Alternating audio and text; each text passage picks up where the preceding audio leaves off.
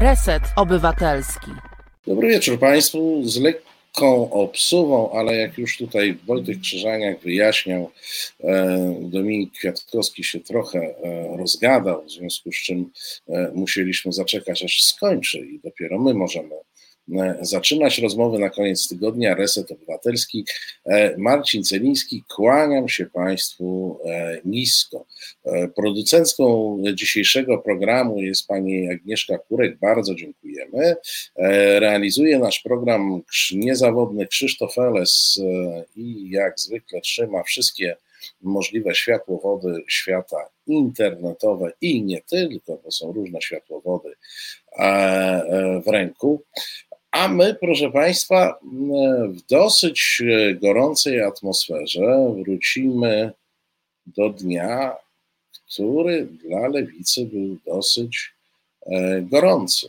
E, jak do Państwa zapewne, nawet mimo tych wysokich temperatur e, dotarło, no wczoraj E, lewica postanowiła utworzyć dwie frakcje, co tam jakoś wcześniej było ponoć ustalane, a jednocześnie pozbyła się decyzją przewodniczącego e, Czarzastego e, dziewięciu, jak policzono, członków najwyższych władz.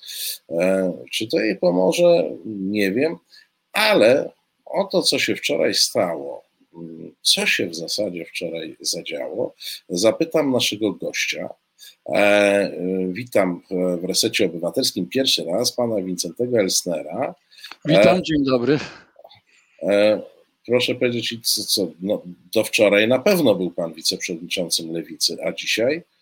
E, dzisiaj też jestem. W naszym e, rozumieniu nadal jestem.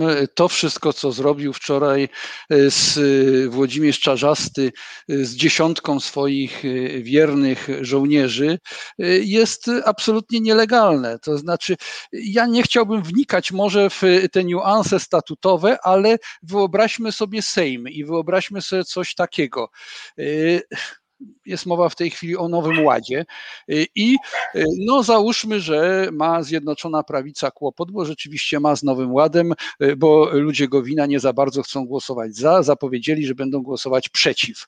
No jest głosowanie oczywiście i faktycznie ludzie Gowina głosują przeciw, projekt upada, ustawa upada, bo za dużo było głosów przeciwnych. W związku z tym y, marszałek Witek wyklucza z obrad kilkunastu ludzi y, Gowina, y, zarządza nowe głosowanie. No, tych kilkunastu głosów przeciwnych już nie ma i ustawa przechodzi. Tak to wyglądało mniej więcej, jeżeli chodzi o y, to, co wczoraj y, rzekomo uchwalono y, na posiedzeniu zarządu krajowego, wykluczając po kolei, po kolei członków zarządu prawie połowę, 40% składu zarządu, po to, żeby w końcu uzyskać tą większość, która pozwoli przegłosować to, co Włodzimierz Czazastry założył, że chce przegłosować. No to tak to wyglądało wczoraj. Znaczy, Ale ani, po, po, tak. opowiedzmy Powiedzmy sobie po kolei, bo zdaje się, że na początku e, było słowo, a mianowicie był list. E, list, który, jak rozumiem, rozsierdził e, przewodniczącego Czarzastego. List dotyczący sytuacji w partii i najpierw było wykluczenie europosła, potem, jak rozumiem, było wykluczenie sześciorga posłów, którzy są jednocześnie w zarządzie krajowym, a, a potem jeszcze dobrano kilku członków zarządu krajowego wedle tego klucza, e, o którym pan e, mówi, czyli po prostu, żeby uzyskać właściwe proporcje w głosowaniach. Ale to, to w ogóle historia, którą znamy, e, znamy trochę z mediów. Chciałbym, żeby Pan ją jako e, bezpośredni uczestnik i, i jednocześnie naoczny świadek opowiedział. Tak, tak pachnie trochę jakimś takim, nie wiem, e, nie najwyższej klasy serialem. No, z taką jakąś intrygą, że gdzieś tam, nie wiem, zarząd miał się zebrać tu, zebrał się gdzie indziej, nie w tej sali. Proszę to opowiedzieć. No, po drodze jeszcze w tym poprzednim miejscu, żeby mieć pewność, zarządzono w sobotę rano, to też jest sztuka, zmianę zamków, żeby nikt niepowołany z tych osób, które zostały zawieszone, nie mógł dostać się do siedziby. Czyli, czyli było tak, był, był zwołany zarząd był... i w miejscu, gdzie ten zarząd miał być, czy zwyczajowo się odbywał, na wszelki wypadek na wszelki zamki. Zmieniono zamki, tak, żeby tam, żeby po prostu y, y, nie mógł się zebrać tam ta grupa przecież, bądź co bądź y, ci zawieszeni, to, to pokaźna grupa dziewięciu osób. Zresztą ten, na ten list to też jest pewnego rodzaju kuriozalna sytuacja. On rozsierdził faktycznie przewodniczącego Czarzastego, ale tylko rozsierdził w stosunku do tych tych osób, które były członkami zarządu, dlatego że y, tam pod tym listem było podpisanych 17 parlamentarzystów i parlamentarzystek, więc y, tym osobom, które nie były członkami zarządu, nic się nie stało, nie zostały zawieszone, więc to jest taki też to, to, charakterystyczny To, to płynie z tego ważna nauka, że listy można podpisywać, o ile nie jest się członkiem zarządu. Tak, to, to z tego wynika, że, że to był. Poza tym tam y, w y, uzasadnieniu zawieszenia był dołożony jeszcze jeden, y, jeszcze jeden zarzut. No, ja muszę w cudzysłów ten zarzut ubrać, no bo to jest również absurdalna sytuacja. Przewodniczący Czarzasty zawieszonych zapraszał poprzedniego dnia na spotkanie, ad hoc na spotkanie, wcześniej niezaplanowane, ponieważ każdy miał jakiś gdzieś, przecież nie mieszkają wszyscy w Warszawie, jakiś czas, jakiś termin terminy, jakieś spotkania, więc y, y, nikt nie miał czasu, żeby przybyć na to spotkanie, no ale spotkanie było tak ważne, że, że y, ci, którzy nie przybyli na to spotkanie, a ci wszyscy zawieszeni, zasłużyli na zawieszenie również za zignorowanie tego zaproszenia na spotkanie w Łodzimierza Czarzastego. Nie, cała, cała sytuacja absolutnie pachnie, pachnie absurdem. Przecież te osoby, list został wysłany i opublikowany i, i w mediach pojawiał się tydzień wcześniej. Natomiast y, y, osoby, które zostały zawieszone za podpisanie się pod tym listem, zostały zawieszone wczoraj rano, jadąc między godziną ósmą. Ja jechałem również samochodem, y, miałem na podglądzie czat, czat i po kolei koleżanki i koledzy informowali o godzinie dziewiątej, w pół do dziesiątej, że właśnie dostali maila informującego, że są zawieszeni, mogą wrócić do, do, do swojego miasta, y, no bo, te, bo nie zostaną wpuszczeni na zarząd. To... No dobrze, to idźmy dalej, y, y, idźmy dalej tym, tym dniem sobotnim. Czyli jest tak, w miejscu, gdzie miał być zarząd, zmienione zamki, nie ma zarządu, jest jakieś inne miejsce, w którym ten zarząd się zbiera, gdzie z kolei E, kwalifikacje członków zarządu przeprowadzają ochroniarze, tak?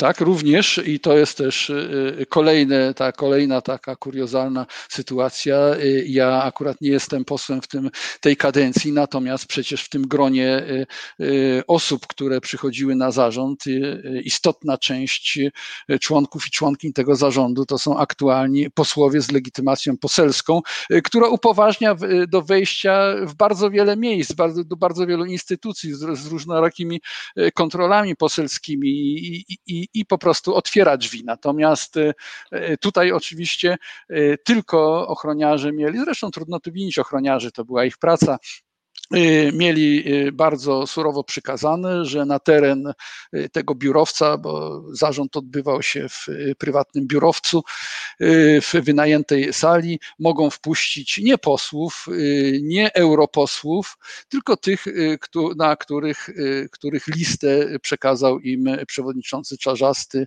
ze swoimi pracownikami.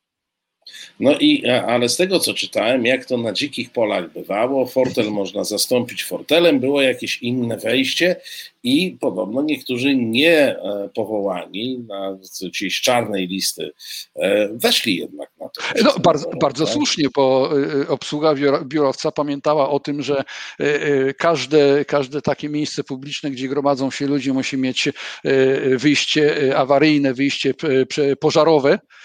No i akurat ten, no to wyjście pożarowe nie powinno być na trzy spusty zamknięte, bo w razie pożaru trudno będzie je otworzyć, więc te osoby, które nie zostały wpuszczone, skorzystały z wyjścia pożarowego, żeby się dostać, ale to, tak jak może tutaj wybiegając z tą, z tą absurdalną telenowelą nieco do przodu, ale niewiele to dało, dlatego że ci, którzy dążyli do przegłosowania za wszelką cenę tego, co chcieli przegłosować, postanowili zmienić salę i tam, gdzie się zgromadzili wszyscy, okazało się, że to nie jest już sala zarządu, natomiast sala zarządu jest nową salą i tam już menos pilnując osobiście, nie przez ochroniarzy, którzy tutaj nie potrafili sobie poradzić e, z całym towarzystwem.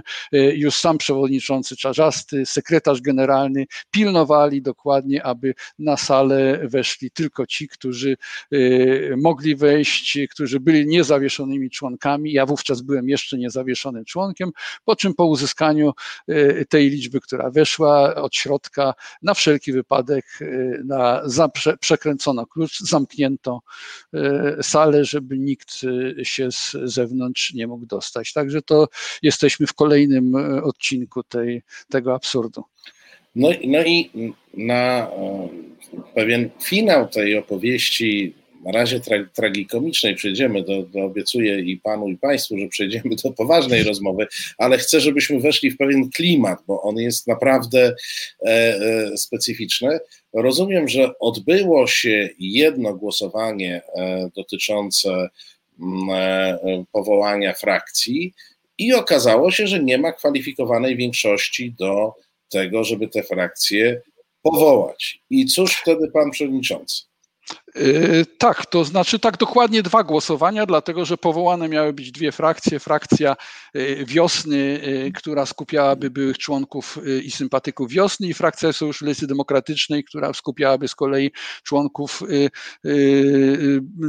dotychczasowego Sojuszu Lewicy Demokratycznej. Także i, i żadne z tych głosowań nie dało pozytywnego rozstrzygnięcia, żadna z frakcji nie została powołana, gdyż wymogi statutowe czyli, są czyli takie. Co, frak frakcje nie zostały powołane, mogliście pójść do domu nie? E, no w zasadzie tak, no tak należałoby to y, zakończyć i ewentualnie, tak jak to się w cywilizowanym, demokratycznym y, kraju dzieje i w demokratycznych instytucjach, zacząć zastanawiać się, w jaki sposób rozmawiając, debatując, negocjując, doprowadzić do tego, żeby, żeby mieć większość, kiedy sytuacja jest nierozwiązywalna w taki normalny, cywilizowany sposób.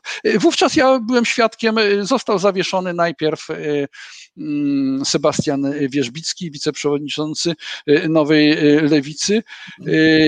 I następnie Włodzimierz Czarzasty po zgłoszeniu przez Marka Dyducha wniosku o zawieszenie mnie, ponieważ rzekomo się nie podporządkowałem temu, co, co, czego życzyła sobie Rada Wojewódzka Dolnośląska.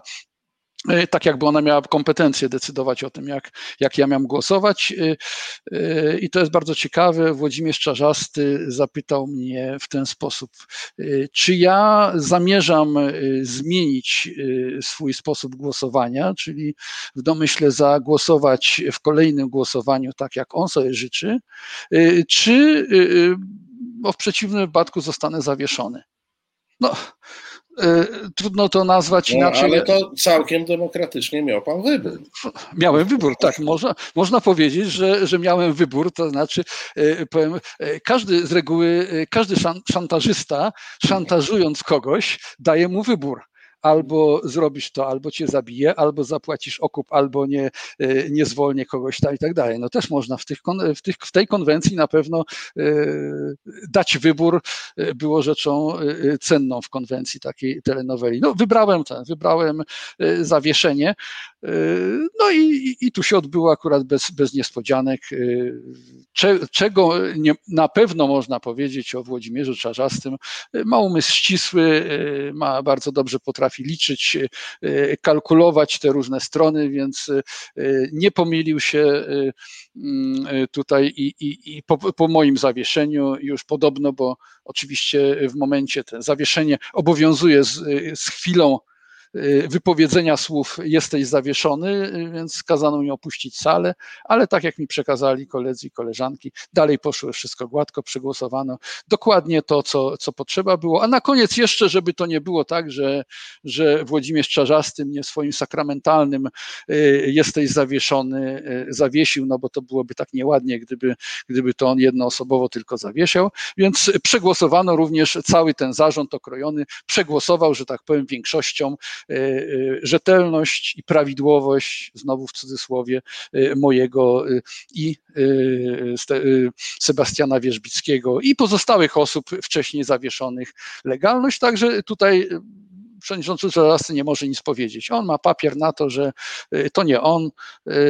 Cały, cały zarząd, który się ostał po tym, jak powycinał tę całą opozycję. Cały, cały niezawieszony zarząd. Cały, cały niezawieszony przyklepał to, co chciał i, i on w tej chwili, y, jeżeli ktoś by go chciał gdzieś y, skarżyć, gonić po sądach czy coś, on ma papier, że to nie on, że słuszność i prawidłowość jego decyzji potwierdził y, powolny, powolna mu część około połowy zarządu. No i tak tak chyba dobrnęliśmy do, do końca tej telenoweli i, i stwierdzenie, że później przed kamerami Mm, uszczęśliwionego Włodzimierza Czarzastego, że zostały y, powołane dwie frakcje i że spełniliśmy y, rzekome ustalenia z wiosną Roberta Biedronia. Mówię rzekome, dlatego że tych ustaleń nikt nigdy nie widział. Y, to była jakaś prywatna rozmowa obu panów, no może trzech tak zwanych liderów. No to jest ten, to jest, to jest duży powiem tak, znaczy to yy, trudno, nie znając tych poprzednich odcinków noweli, yy, yy, trudno powiedzieć, że to przebiegło, że to faktycznie tak było, że te frakcje zostały powołane. Tak jak powiedziałem na początku programu, uważam, że, że wszystkie te działania od początku, zawieszenie Marka, Marka Balta, zawieszenie parlamentarzystów, zawieszenie naszej dwójki i w konsekwencji tego wszystko, co, co się później działo na tym okrojonym, kadłubowym zarządzie, wszystko to jest działaniem razem, razem nielegalnym. Dlatego y, czuję się nadal wiceprzewodniczącym nowej lewicy, y, a nie zawieszonym y, wiceprzewodniczącym. No to y, ja podzielę się z Panem, z Państwem refleksją, że to strasznie ciężka robota e, być e, przewodniczącym Nowej Lewicy, ile to się człowiek musi nakombinować, ile sal musi mieć wynajętych pod ręką e, i ile zamków jest do wymienienia, to się w głowie... W sobotę rano, w sobotę rano to jest też tak. Tak, no dokładnie, przecież po, dzień absolutnie wolny od pracy, to wszyscy musieli być w gotowości. Ale w tej chwili zamykamy już ten wątek który mimo, jak rozumiem, takich dosyć e, złych konsekwencji, no jednak w sumie jest farsowy, e, to teraz proszę mi powiedzieć, a o co właściwie chodzi? Bo Włodzimierz Czarzasty od wczoraj chodzi po mediach i mówi, że jesteście przeciwnikami e, połączenia, utworzenia nowej lewicy, połączenia SLD i wiosny e, Biedronia, bo e, boicie się o swoje eseldowskie wpływy i stąd staliście się opozycją. Więc właśnie, może najkrócej nie wnikając w te wszystkie szczegóły, o co w tym wszystkim chodzi. Nie, jesteśmy absolutnie ci wszyscy, którzy zostali zawieszeni, którzy nie zgadzają się z Włodzimierzem Czarzastym i z y, tą częścią, y, która o to wszystko nas oskarża. Jesteśmy absolutnie za integracją z wiosną y, Roberta Biedronia, dlatego że wybory w 2019 pokazały, że, że ten efekt synergii istnieje. Te ponad 12%, które uzyskaliśmy, w sposób oczywisty nie byłoby do uzyskania ani przez jedno ugrupowanie, ani przez drugie ugrupowanie samodzielnie i, i wręcz start samodzielny lokowałby, przynajmniej takie sondaże były oba ugrupowania gdzieś w pobliżu y, progu wyborczego, przy czym y, można było tego progu nie przekroczyć. Więc co do zasady, absolutnie tutaj przewodniczący Czazas nie ma racji. Nie jesteśmy przeciwnikami, jesteśmy zwolennikami dalszej integracji. Pytanie tylko na, na jakich zasadach. I, I o te zasady tutaj toczy się jakiś spór. Mianowicie nie jesteśmy ugrupowaniami Wiosna Roberta Biedronia i sojusz, i dotychczasowy Sojusz Lewicy Demokratycznej, które mają, że tak powiem, równy potencjał struktur, równy potencjał doświadczeń, równy, równy potencjał w regionach, w powiatach, w województwach, to najlepiej obrazują liczby. Członków Sojuszu Lewicy Demokratycznej jest 20, 20 kilka tysięcy, a, a nawet jak się odejmie tych, tych wątpliwych, bo gdzieś tam zalegających ze składkami, to, to będzie przynajmniej 15-16 tysięcy. Natomiast listę członków y, wiosny, którą otrzymaliśmy, ona liczyła bodajże 1200 czy 1400 osób, a więc stosunek jest 10 do 1 z grubsza rzecz biorąc, a, a może i 15 do 1. Natomiast rzekome ustalenia pomiędzy y, Robertem Biedroniem i Włodzimierzem Czarzastym y, miały y, ustalić parytet we wszystkich władzach, w ciałach kolegialnych, w, zarówno na poziomie województwa, jak i na poziomie mm, centrali, jeden do jednego, mimo tych, tych ewidentnych różnic w potencjałach. I to nie jest, niektórzy mówili, że, że to, co się dzieje w tej chwili, to jest jakaś wojna na górze. Y, to, to nie jest żadna wojna na górze, bo do takiego działania, jakie podjęliśmy, de facto zobligowały nas y, y, nasze organizacje powiatowe, organizacje wojewódzkie, a więc tysiące tych szeregowych członków, którzy, którzy mówili, że no jak to może być tak, że, że w moim województwie jest, mamy struktury we wszystkich powiatach dotychczasowego SLD, mamy powiedzmy 1500 członków, i teraz do, do organizacji zapisuje się 50, 100 czy 120 y, mm, członków y, byłej wiosny y, i tworzymy ciała kolegialne jeden, jeden do jednego. Jakimś rozwiązaniem było, ponieważ te, jeżeli by powstały, jeżeli uznamy, uznalibyśmy powstanie tych dwóch frakcji, no to, to taki stan y, rzeczy zaistnieje. Natomiast y, rozwiązaniem było y, powołanie kilku frakcji i taka była inicjatywa również w, u szeregowych członków w różnych województwach, aby powstało kilka frakcji, w zależności od, od tego, który, kto z tych byłych członków lepiej się czuje. Frakcja samorządowa, frakcja tak zwana pokolenia odwołująca się do do, historii, czasami również do, do historii y, jeszcze z czasów PRL-u i trzecia frakcja społeczno-gospodarcza, no i frakcja, frakcja ta podstawowa Sojuszu Ale jakby pan nam jeszcze... siły by bardziej wyrównane. Rozumiem, ale jakby pan mi jeszcze wyjaśnił, na czym polega ten pomysł e, frakcyjny, bo to jest jednak rzadkość. O, ostatnia w, w, Polsce partia, która e, miała frakcje e, wpisane w statucie, to była Unia Demokratyczna i to było 30 lat temu. Przy, czym tam frakcje miały charakter jednak marginalny. To znaczy, tu, jak rozumiem, z byciem frakcją, wiązałyby się jakieś e, statutowe e, korzyści. Czy to oznacza, że wszyscy członkowie nowej lewicy, członkinie, członkowie mieliby być we frakcjach, czy jest jakaś przestrzeń dla takich, co się w tych dwóch frakcjach by nie zmieścili?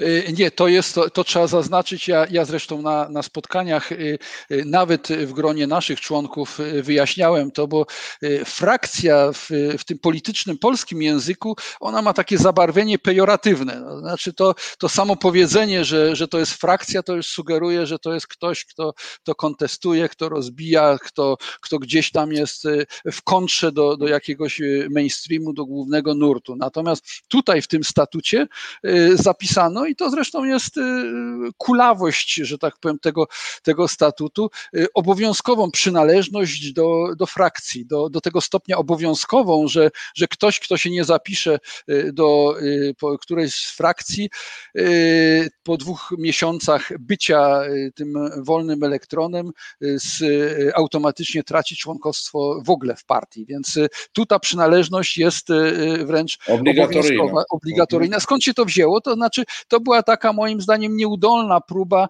dopasowania statutu do, do realiów, w których łączą się ze sobą dwa bardzo różne przecież środowiska. Środowisko Sojuszu Lewicy Demokratycznej, środowisko Roberty Biedronia, mające często bardzo różne spojrzenie i na politykę, i na, na wiele działań, i, i wzajemnie na siebie, i, i żeby tego wszystkiego nie wrzucać do, do jednego kotła, do jednego zgrupowania, wymyślono, że będą dwie frakcje, gdzie każda będzie miała władzę tej swojej frakcji, będzie miała y, możliwości, y, że tak powiem, działania dalej w grupie, jak gdyby do czasu, y, do, w którym nie, dokona się pełna integracja, działania w tym swoim środowisku, które opuściła, czy to było środowisko wiosny, czy środowisko SLD. Natomiast statut nigdzie nie przewidywał, że mają tak, jak to po mediach w tej chwili głośno i, i wiele razy opowiada przewodniczący Czarzasty, w nie, nie ograniczał powstania dwóch frakcji, umożliwiał powstanie frakcji wtedy, kiedy zgłosi się 500 chętnych. Do y, tych frakcji, y, które miały powstać, a, a które nie zostały y, nawet poruszony ich temat na zarządzie krajowym z prostej przyczyny, że ci tak zwani koordynatorzy tych frakcji wcześniej zostali pozawieszani. Zebrano ponad 2000 podpisów, także to, to nie jest tak, że to jakaś grupka, y, grupka, y, tak jak chce nam się wmówić, buntowników y, zbuntowała się chcąc, chcąc osiągnąć jakieś, jakieś korzyści w, na szczycie partii. Znaczy za, za nami, myśmy przyjechali do Warszawy wczoraj z pakietem ponad 2000 podpisów pod frakcją pokolenia, pod frakcją społeczno-gospodarczą, pod, pod frakcją samorządową. Za moment, proszę Państwa, wrócimy do tej, do tej rozmowy. Już e, no, ostrzegam tylko, bo tutaj niektórzy żałują, że nie ciągniemy tych humorystycznych. Nie, nie, już będziemy rozmawiać tylko poważnie, ale w tej chwili damy sobie chwilę muzycznego e, oddechu. E, wszyscy odpoczywamy, Państwo nie uciekają, my też nie uciekamy, za chwilę wracamy. Słuchasz Resetu Obywatelskiego. Reset Obywatelski działa dzięki Twojemu wsparciu. Znajdź nas na zrzutka.pl. No i wróciliśmy. Przypominam, że producentką e, programu jest pani Agnieszka Kurek. Program realizuje Krzysztof Eles, a my kontynuujemy e, rozmowę z wiceprzewodniczącym Nowej Lewicy, e, panem Wincentem Elsnerem, wiceprzewodniczącym Nowej Lewicy, jak, jak mówi mój gość statutowo, choć Włodzimierz Czarzasty uważa inaczej. Panie Przewodniczący, ja nawet jakoś tak rozumiem te rozterki e, i ten konflikt wewnątrzpartyjny, tylko proszę mi powiedzieć, w Polsce lewica ma wedle e, sondaży dzisiejszych, ta formacja lewicowa 7-9% poparcia w zależności od sondażu. W badaniach socjologicznych Polacy, którzy, odsetek Polak, Polek i Polaków, którzy identyfikują się jakoś ze światopoglądem lewicowym, nie będziemy tu wchodzić w szczegóły, że każdy go może troszkę inaczej rozumieć, e, to jest dobrze ponad 20%, czasami dochodzi do 30%. I proszę mi powiedzieć, a cóż tych 7 do 9% wyborców a tym bardziej tych potencjalnych e, powyżej 20% e, wyborców, co ich interesuje e, w tym, jak poukładacie wewnątrz partię. Bo to jest taki przekaz, który do nich idzie, to znaczy oni, przeciętny wyborca lewicy, jak rozumiem, taki niezaangażowany, który nie jest gdzieś tam zapisany do partii, nie działa, nie współdziała, to tak naprawdę dostał jeden przekaz, że kłócicie się. A to nigdy nie jest e, dobry przekaz.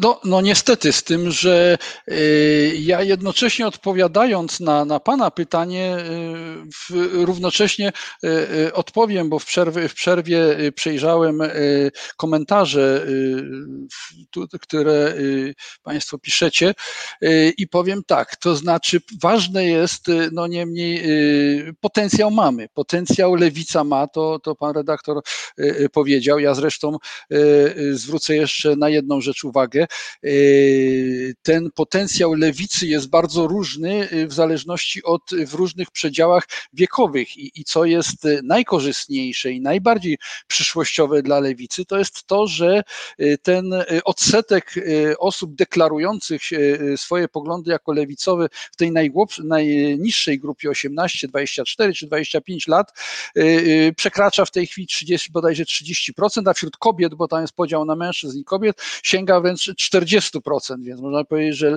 lewica, przyszłościowa lewica w Polsce jest, jest kobietą, więc y, potencjał, a, a przecież z wyborów na wybory ci ludzie z, tej, z tego najniższego rocznika, y, ponad pół, y, pół miliona rocznie przybywa nam wyborców, a więc na przyszłość lewica ma potencjał. To jest pierwszy wniosek.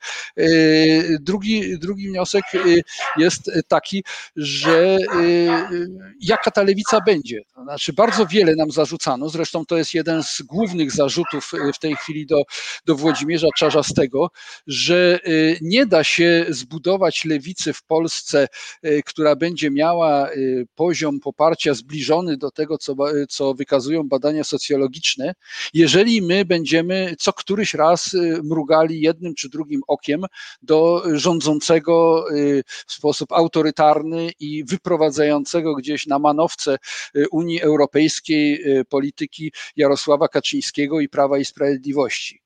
E, I to jest, naj, to jest największe zagrożenie, jeżeli chodzi o tą stronę polityczną, bo to, czy zmieniano zamki, czy tak czy inaczej to się odbyło posiedzenie e, zarządu, e, no to są sprawy wewnętrzne, które faktycznie nie powinny wy, wylewać się do opinii społecznej. Natomiast ten zarzut polityczny został bardzo wyraźnie wyartykułowany i to przez nas właśnie, przez Tomasza Trele bardzo wiele, wiele razy podkreślał to, to w mediach, y, że y, nie może być tak, że nasi wyborcy będą mieli y, obiekcje, czy w kolejny raz nie wyjdzie przewodniczący Czarzasty na konferencję wraz z rządzącym Prawem i Sprawiedliwością i tak jak to było w przypadku Krajowego Funduszu Odbudowy, oznajmi, że dogadaliśmy się. I to jest odpowiedź na pytanie, które padło tutaj w komentarzach, czy lewica będzie głosowała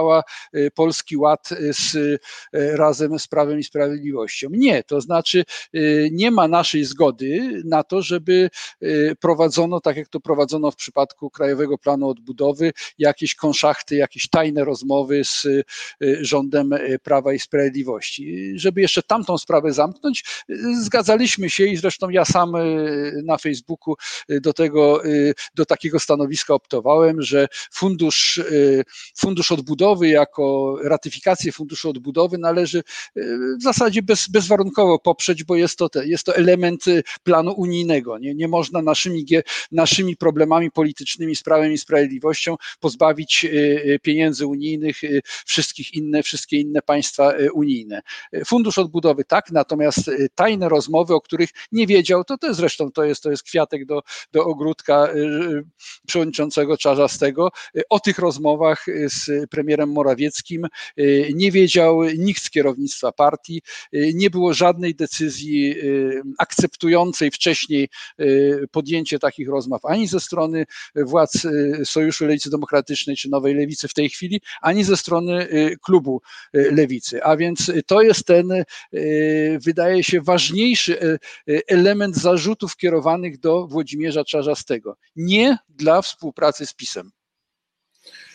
No tak, ale z drugiej strony mm, jakby fala przynajmniej w mediach społecznościowych, która się przetacza, e, narracyjna, bardzo wielu prominentnych działaczy lewicy bierze w niej udział, to jest fala, mm, która ma na różne sposoby odstręczać lewicę od współpracy z Platformą Obywatelską i, i drugą stroną opozycji, no, Szymonem Hołownią y, i, i tym podobne. Bo jeżeli przyjmiemy, a myślę, że możemy e, przyjąć, że mm, ani jest SLD, ani Nowa Lewica samodzielnie wyborów nie wygra e, w tym momencie, no to musi się pozycjonować w jakimś układzie, który będzie tworzył, zresztą w tej chwili, jak rozumiem, poza Prawem i Sprawiedliwością nikt nie ma szans na samodzielne wygranie, na samodzielną wygraną w wyborach, no to musi się pozycjonować w jakimś układzie politycznym. I tutaj ze strony jeszcze raz powiem, i posłów, i nie tylko, ale także innych prominentnych działaczy lewicy, e, bardzo często słyszymy, że nigdy z Platformą Obywatelską, nigdy z Szymonem Hołownią, e, co w sposób naturalny należy e, rozumieć, no to jeżeli nie z tymi, to z tamtymi. No taka jest logika działań politycznych, no to znaczy, że, że jednak jakaś formuła współpracy z PiSem i takie scenariusze przecież e, intelektualnie są e, wyznaczone. No, no choćby, e, choćby redaktor Woś w tej chwili to już chyba w każdym tekście swoim pisze, że optymalny scenariusz dla Polski i dla lewicy to jest taki, żeby lewica z tym pisem po prostu zaczęła współpracować.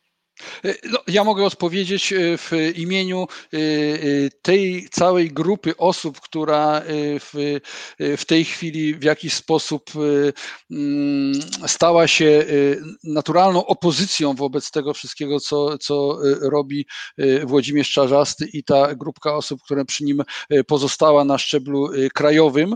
Mogę odpowiedzieć, że my nigdy do tego, jeżeli tylko starczy nam siły środków, nie dopuścimy. To znaczy, ja tu mogę mówić e, e, w, przed kamerami, natomiast e, mój wpływ realny jest mniejszy, natomiast mamy przecież potężne jednak zaplecze posłanek i posłów parlamentarzystów i, i, i ich głos, tak jak chociażby Tomasza Treli, jest znacznie bardziej słyszany i, i ważny i decyzyjny, że nie będziemy wchodzili w żadne układy z pisem. Zresztą mówił pan redaktor o, tym, o tych sondażach. No faktycznie, tu ostatnio Kantar y, dał lewicy 5%, czyli dokładnie tyle, ile próg wynosi.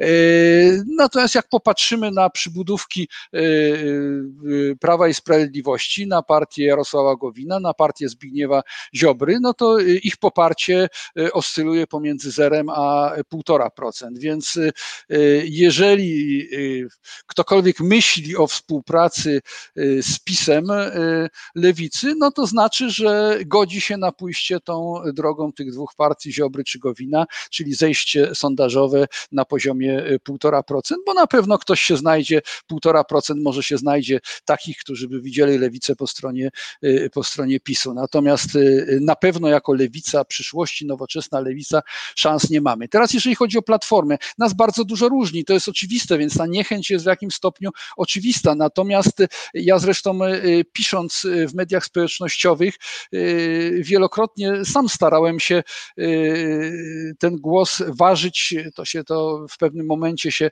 y, okrzyknięci, tak twierdzący, zostali symetrystami którzy sugerowali zachowanie y, pewnego odstępu zarówno od Prawa i Sprawiedliwości, jak i od Platformy, po to, żeby tworzyć jak najbardziej przekonującą własną narrację, ale czas biegnie i czas biegnie w złym kierunku, patrząc na rządy Prawa i Sprawiedliwości. Więc ja, przynajmniej jeżeli chodzi o mój ogląd polityczny, ja się zaczynam z tego, z tej opinii o tym symetryzmie wycofywać, dlatego że Y, coraz bardziej, coraz więcej się mówi o, o, o realnej możliwości wyjścia ze struktur unijnych, chociażby y, wokół całego zamieszania dotyczącego TSUE i Trybunału Konstytucyjnego z ostatniego tygodnia.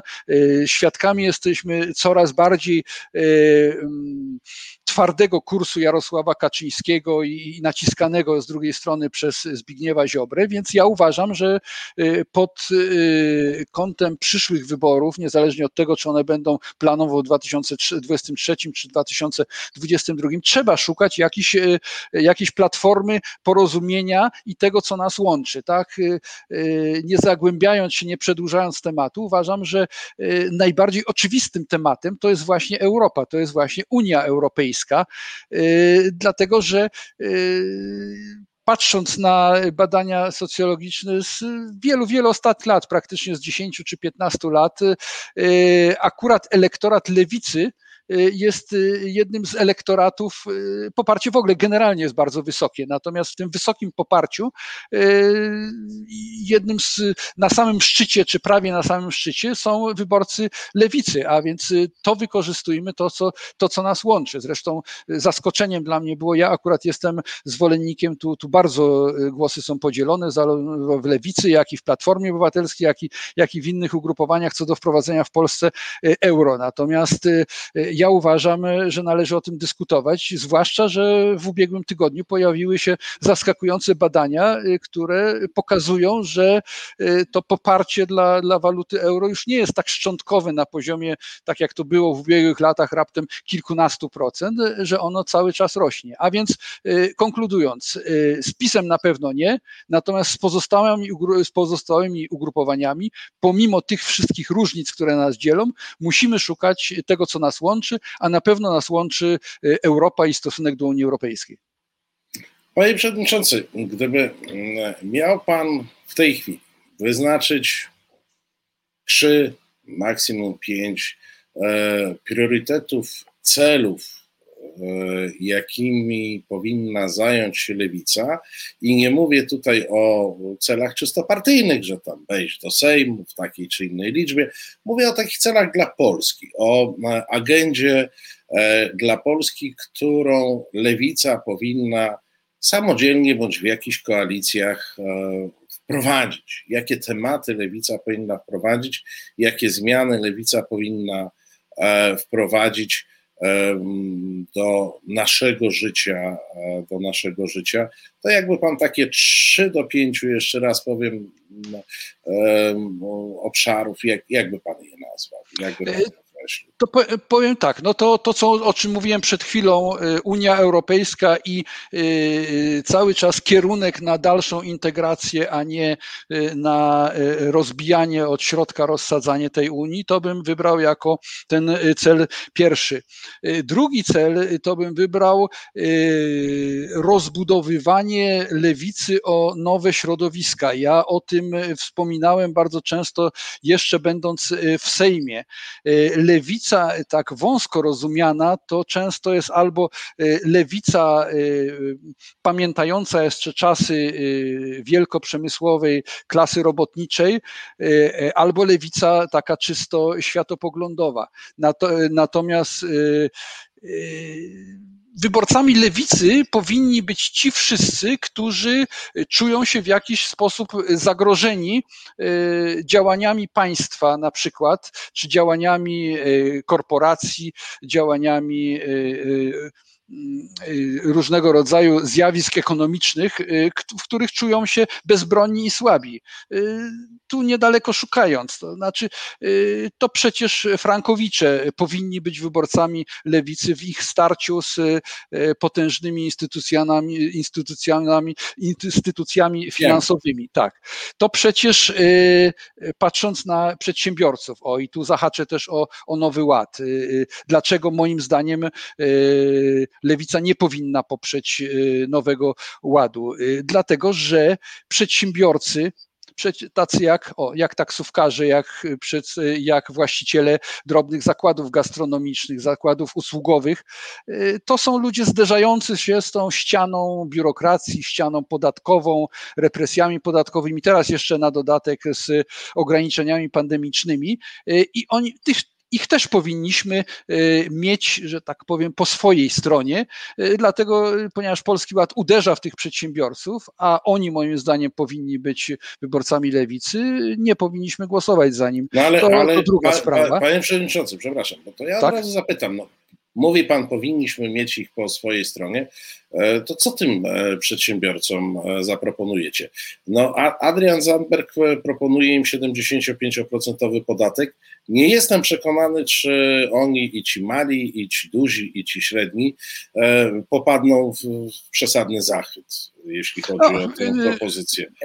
Powiem tak, to znaczy zgadzam się w niektórych y, sprawach y, z Adrianem Zandbergiem, natomiast y, w sprawie to się kiedyś jeszcze w czasach PRL-u nazywało domiarem 80%, z podatkiem 70% absolutnie się nie zgadzam. Co jesteśmy w stanie im zagwarantować? Przede wszystkim uczciwe warunki prowadzenia ich działalności. To, co proponuje rząd premiera Morawieckiego ze składką zdrowotną, sam jestem przedsiębiorcą, więc bardzo dobrze to czuję. Y, jest po prostu y, nieuczciwością i, i, i skokiem y, na kasę tych drobnych przedsiębiorców po to, żeby zapełnić w jakiś sposób pustą swoją kasę. Ale wracając do tych jeszcze mm, priorytetów, o których Pan pytał. Na trzecim miejscu umieściłbym ekologię. To znaczy, kiedyś to był taki podział dość twardy, że zieloni to się zajmują ekologią, a lewica to się zajmuje sprawami społecznymi e, albo sprawami światopoglądowymi.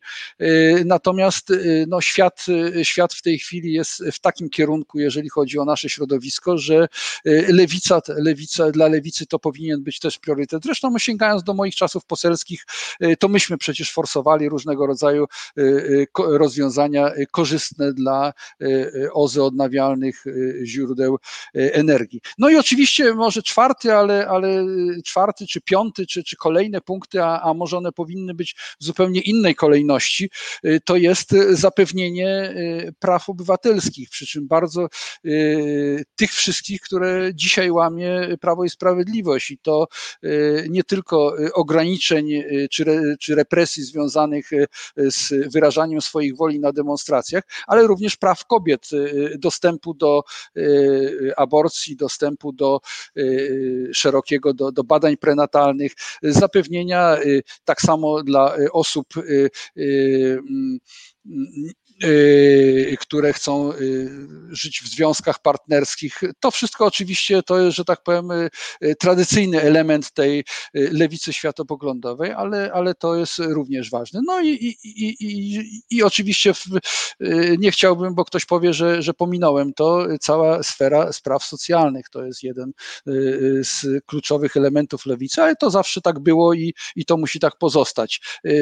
Podsumowując ten temat, ja uważam, że, że lewica lewica musi mieć i, i o to będąc w Sejmie e, walczyłem, bo oczywiście zdania są tak jak to w każdym środowisku e, nieco podzielone. Musi mieć dwie równorzędne nogi, tą nogę socjalno-społeczno-bytową e, i nogę światopoglądową.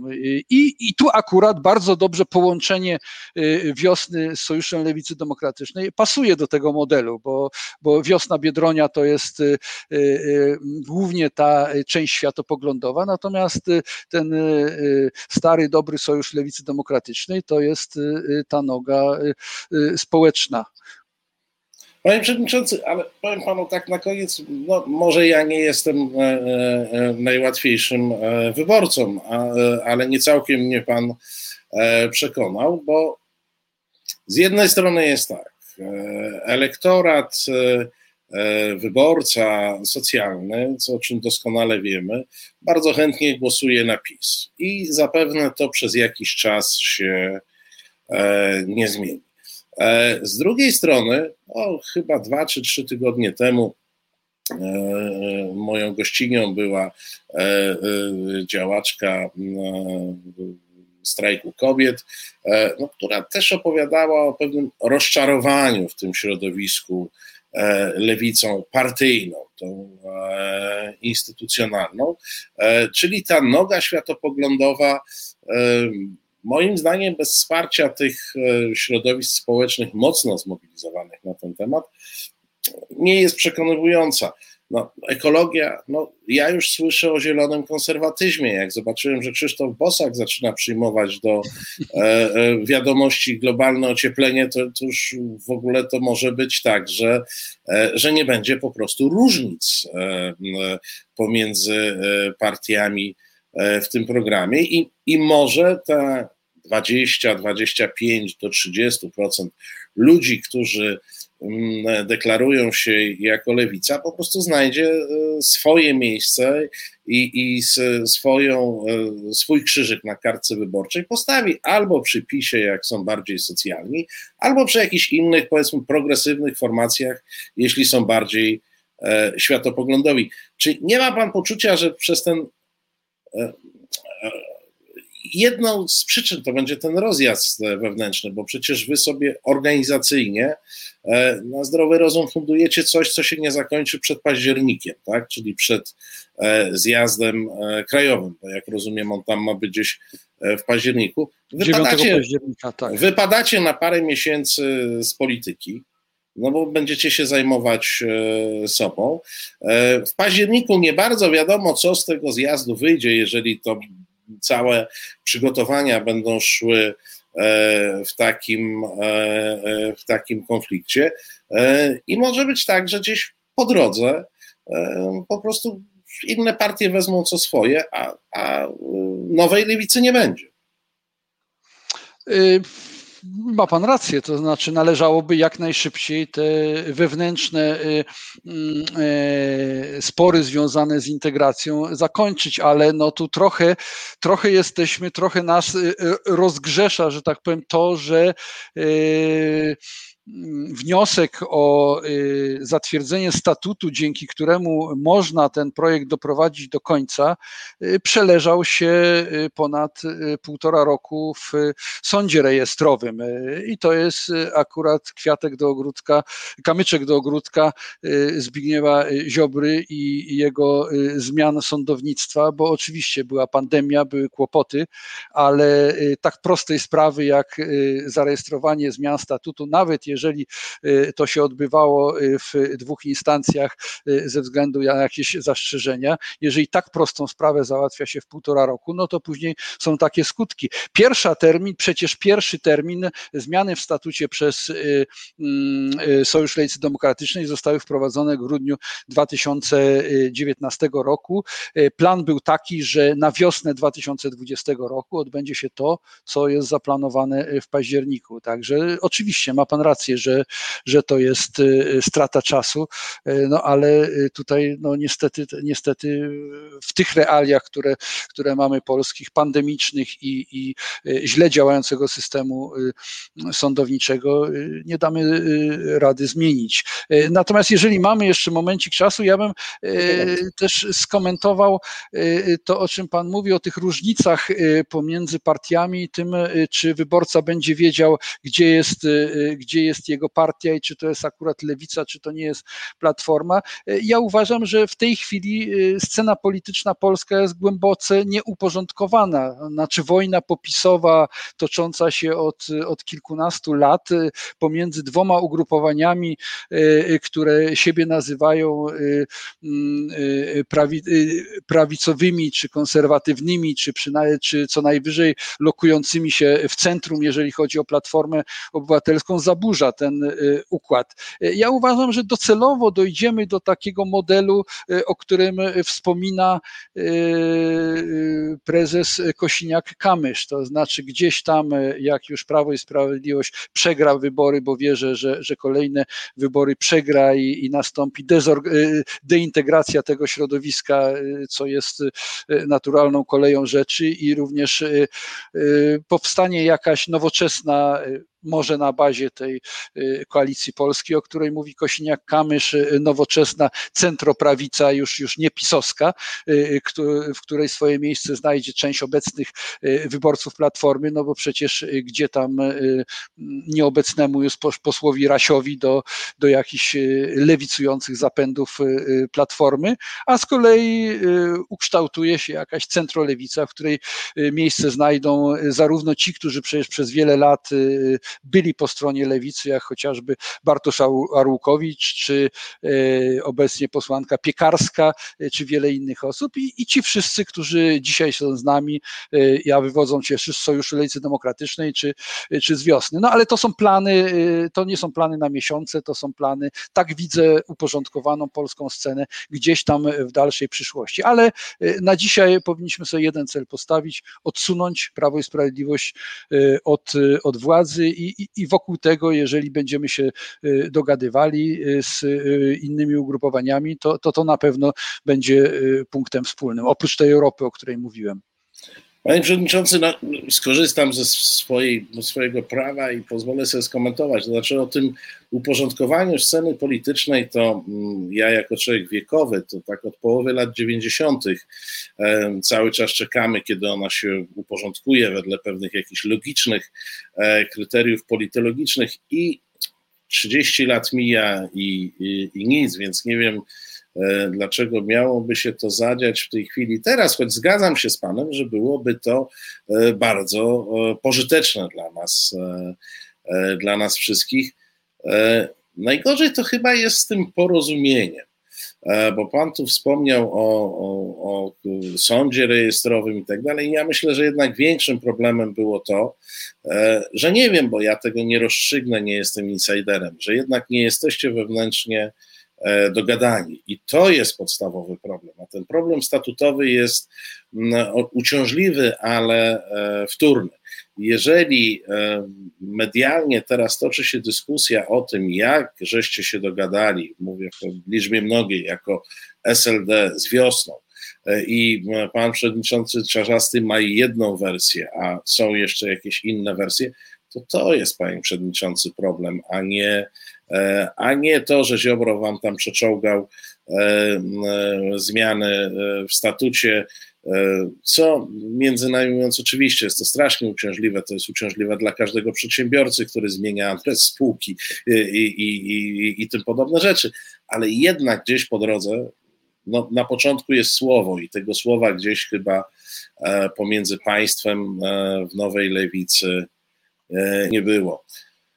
Y, nie winie, nie winie krótkie adwocem, nie winie, bo tutaj czytam jednocześnie po prawej stronie y, mm, y, komentarze. Absolutnie proszę nie odczytywać tego, że Ziobre winie za kłopoty wewnętrzne lewicy, natomiast powiedziałem to jedynie w kontekście odpowiedzi na pytanie, dlaczego to tak długo trwa. To znaczy właśnie, właśnie sądy są jednym z elementów opieszałość działania sądów. Także to, to tylko takie krótkie adwocem. Natomiast zgadzam się to z Panem. Y, y, jestem zdania, że y, ten okres integracyjny powinien zmierzać ku końcowi, no ale no niestety to są, te środowiska są bardzo różne. Dobrze, że nam się udało porozumieć przed wyborami 2019, ale no tak jak we wszystkich sprawach społecznych, zintegrować dwa środowiska i doprowadzić do, do, do pełnego dogadania się jest trudno, ale myślę, że to, to się uda zrobić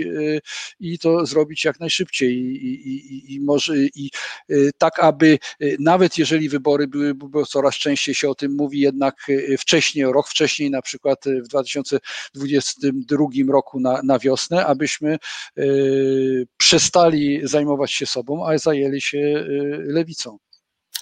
Tego życzę. Bardzo panu dziękuję za e, dzisiejszą rozmowę. Naszym gościem był pan Wincenty Elsner, wiceprzewodniczący przepraszam, muszę to być, prawdopodobnie wiceprzewodniczący Nowej Lewicy. E, dziękuję, że znalazł Pan dla nas czas. Dziękuję również. Kłaniam się nisko. E, proszę Państwa, e, no to co, z, po tej rozmowie chyba należy nam się muzyczny oddech. Krzysztof Elesie, zagraj nam. Słuchasz Resetu Obywatelskiego. Znudzeni mainstreamowymi newsami? Czas na reset obywatelski, zaangażowane dziennikarstwo. Rozmowy na koniec tygodnia. Marcin Celiński, Reset Obywatelski. Kontynuujemy nasze dzisiejsze spotkanie. Producentką programu jest pani Agnieszka Kurek, a realizuje program e, Krzysztof Feles, niezawodny nasz. E, czytam Państwa czat. No, mm, e, państwo mm, mają różne spostrzeżenia, e, pozytywne, negatywne na temat tego i co dzieje się w Nowej Lewicy i co na temat tego, o czym mówił nasz gość. No, jak Państwo zapewne wiecie, ja nie lubię tego stylu mm, rozmowy, który ma prowadzić do założonych wniosków przez prowadzącego, uważam, że medium jest do przedstawienia e, rzeczywistości i przedstawienia poglądów e, gości, a nie do prowadzenia jakiejś polityki. Od polityki są politycy, od polityki są partie e, polityczne, a przyzwoite medium jest od tego, żeby je pokazywać, a nie kreować jakąś, jakąś rzeczywistość. Siłą rzeczy lewica jest e, taka czy inna lewica, jest ważną i będzie moim zdaniem ważną częścią e, życia politycznego, życia społecznego w, w Polsce.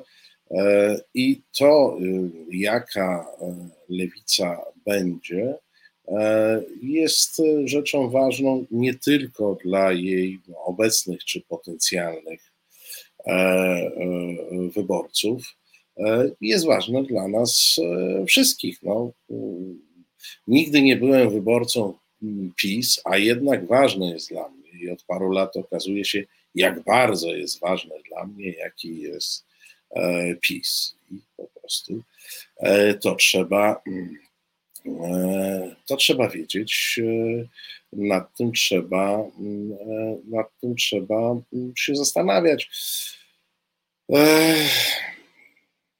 Ja wiem, że wielu z Państwa jest wyborcami lewicy, często rozczarowanymi. Ja myślę, że można się wstrzymać trochę z takimi emocjonalnymi komentarzami. Wydaje mi się, że to, jaka będzie lewica, to mm, i w którą stronę mm, pójdzie, mm, to, to jest e, pieśń przyszłości. To jest e, kwestia najbliższych kilku miesięcy, kiedy będzie musiała się na tym rynku politycznym jakaś lewica wykrystalizować. Czy będzie to lewica e, Włodzimierza Czarzastego, czy będzie to lewica, której, no nie wiem, to nie zadawałem tego pytania, bo myślę, że mój gość by mi po prostu nie odpowiedział. Bo oczywiście nasuwa się pytanie, czy ci zawieszeni e, myślą o secesji, myślą o tworzeniu. Koło e, parlamentarne to mają od ręki, bo tam jest sześcioro e, posłów. Nikt by, nikt by tutaj jakby nasuwa się samo, że, że mogą tworzyć formacje, mogą mieć koło parlamentarne. Pytanie, na ile są e, silni, zdeterminowani i na ile widzą szansę w tym, żeby e, walczyć e, w obrębie tej partii, a na ile będą myśleli o E, walce w obrębie lewicy, już nie partyjnej, tylko lewicy jako pewnego zespołu e, poglądów, który szuka swojej e, reprezentacji i będzie szukał swojej reprezentacji. Zresztą to nie dotyczy tylko lewicy. Każda grupa wyborców o określonej proweniencji nieustająco, choć nie zawsze zdaje sobie z tego sprawę, to jest często podświadome, ale nieustająco szuka reprezentacji E, swoich poglądów i szuka mm, możliwości realizacji mm, swoich e, marzeń e, politycznych. Mm, gdzieś, proszę Państwa, za tym wszystkim też są takie ruchy jak, jak choćby strajk kobiet, który jest ewidentnie ruchem lewicowym, który, jak wiadomo, z instytucjonalną partyjną lewicą E, najlepszych e, układów, e, najlepszych układów nie ma i może to się zmieni. Jest na pewno ta pierwsza część naszej rozmowy, to jest coś, mm, co nie jest cechą tylko lewicy, chociaż tutaj no, trzeba powiedzieć, dosyć ekstremalny przykład. E, to jakiś przyczynek do sposobu funkcjonowania partii politycznych w Polsce w ogóle. Oczywiście to, co zrobił Czerzasty, jest wyjątkowe, ale powiem Państwu, że jakbym trochę odmłodniał, jakbym obserwował niektóre partie w latach 90. Ja znam taki przypadek zarządu wojewódzkiego porozumienia Centrum, czyli partii Jarosława Kaczyńskiego, gdzie w tym województwie było dwóch przewodniczących, którzy na zmianę sobie włamywali się do lokalu partyjnego i wymieniali zamki. Więc to też jakaś ta egzotyka nie jest taka bardzo E, nie jest taka bardzo e, wyjątkowo. Pani Bożena pisze, jedyna lewica dziś w Polsce to strajk kobiet, tylko co z tego? Na dzisiaj niewiele. Ale jeszcze raz powiem, wiecie Państwo, trudno jest oczywiście prorokować, bo e, trudno jest siedzieć w głowie Jarosława Kaczyńskiego, od którego to e, zależy. No ale generalnie do wyborów e, parlamentarnych to mamy dwa lata.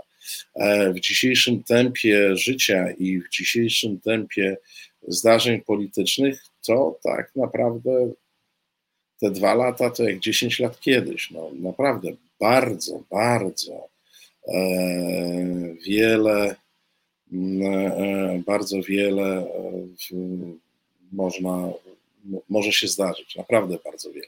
E, Wojtek Krzyżeniak pisze, Marcin przecież Bielan to zrobił w poprzedniej swojej partii z zamkami i hasłem do Facebooka. E, tak, Wojtku, ale jednak Polska jest najważniejsza, nie była tak znaczącą partią jak Nowa Lewica. E, można było patrzeć na to bardziej jako na zdarzenie dziwne, acz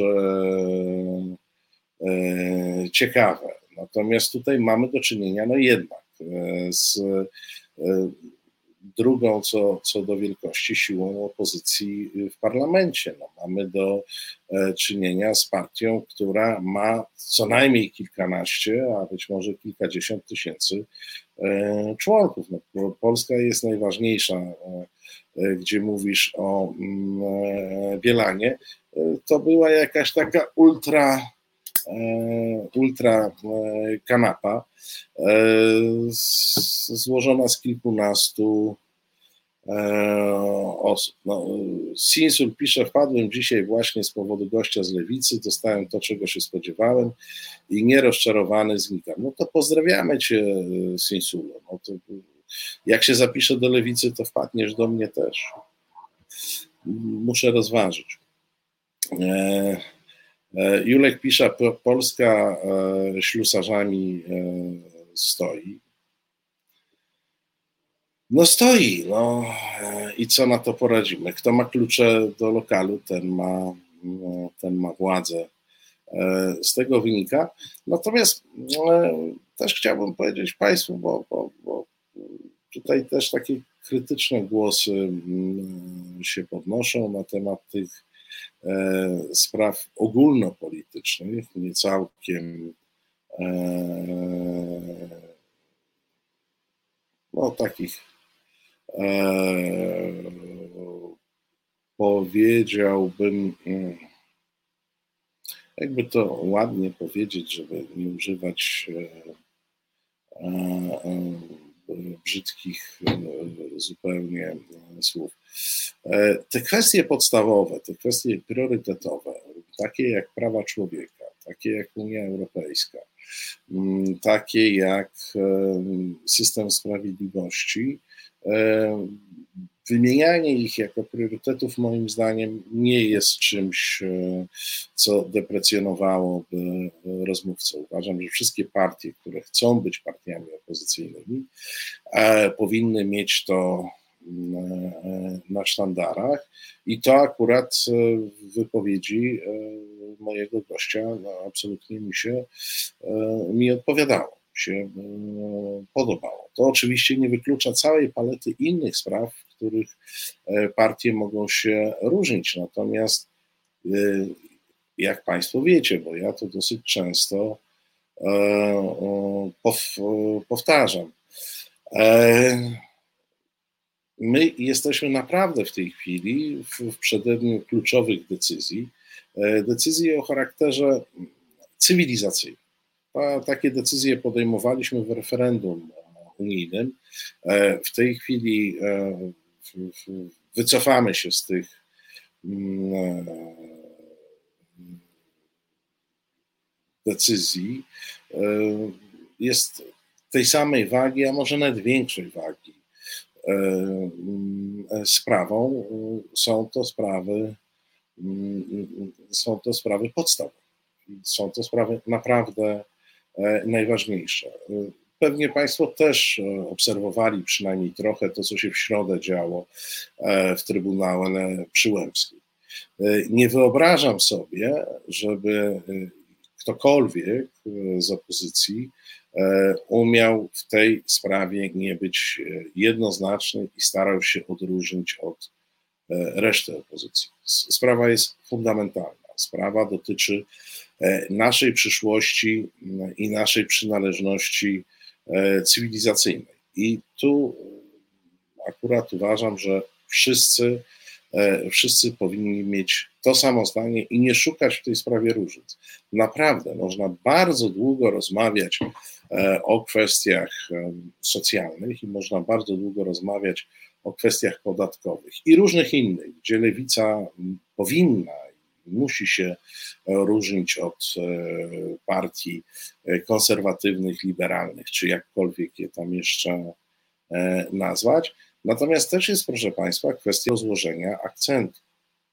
E, otóż e, w tej chwili, co jest e, istotne i na co opozycja może mieć wpływ? No, opozycja może mieć wpływ na odsunięcie PiSu od władzy i na odwrócenie E, odwrócenie naszego marszu e, na wschód. I tu uważam, że wszyscy powinni e, mieć tego świadomość. I tutaj akurat jest mi dużo bliżej do mojego gościa, do, do pana Elsnera, niż do Włodzimierza Czarzastego, który to Włodzimierz Czarzasty zachowuje się, jakby nie rozumiał tego, co się dookoła nas dzieje. E, on wprawdzie nawet chyba jeszcze dzisiaj tam opowiadał, że on jest strasznym Europejczykiem, e, no ale nie wierzę nikomu, kto mówi, że jest Europejczykiem e, i kto jest w PiS bądź współpracuje w PiS. No przepraszam, nie, nie wierzę. Współpracuję z ludźmi, którzy tak jak pani marszałek Witek była uprzejma, e, e, była uprzejma e, zauważyć. Wczoraj chyba, czy dzisiaj, gdzieś to było na Dolnym, na Dolnym Śląsku, krzyczała, że tu jest Polska, a nie Unia. No nie, proszę Państwa. Tu jest Polska i tu jest Unia.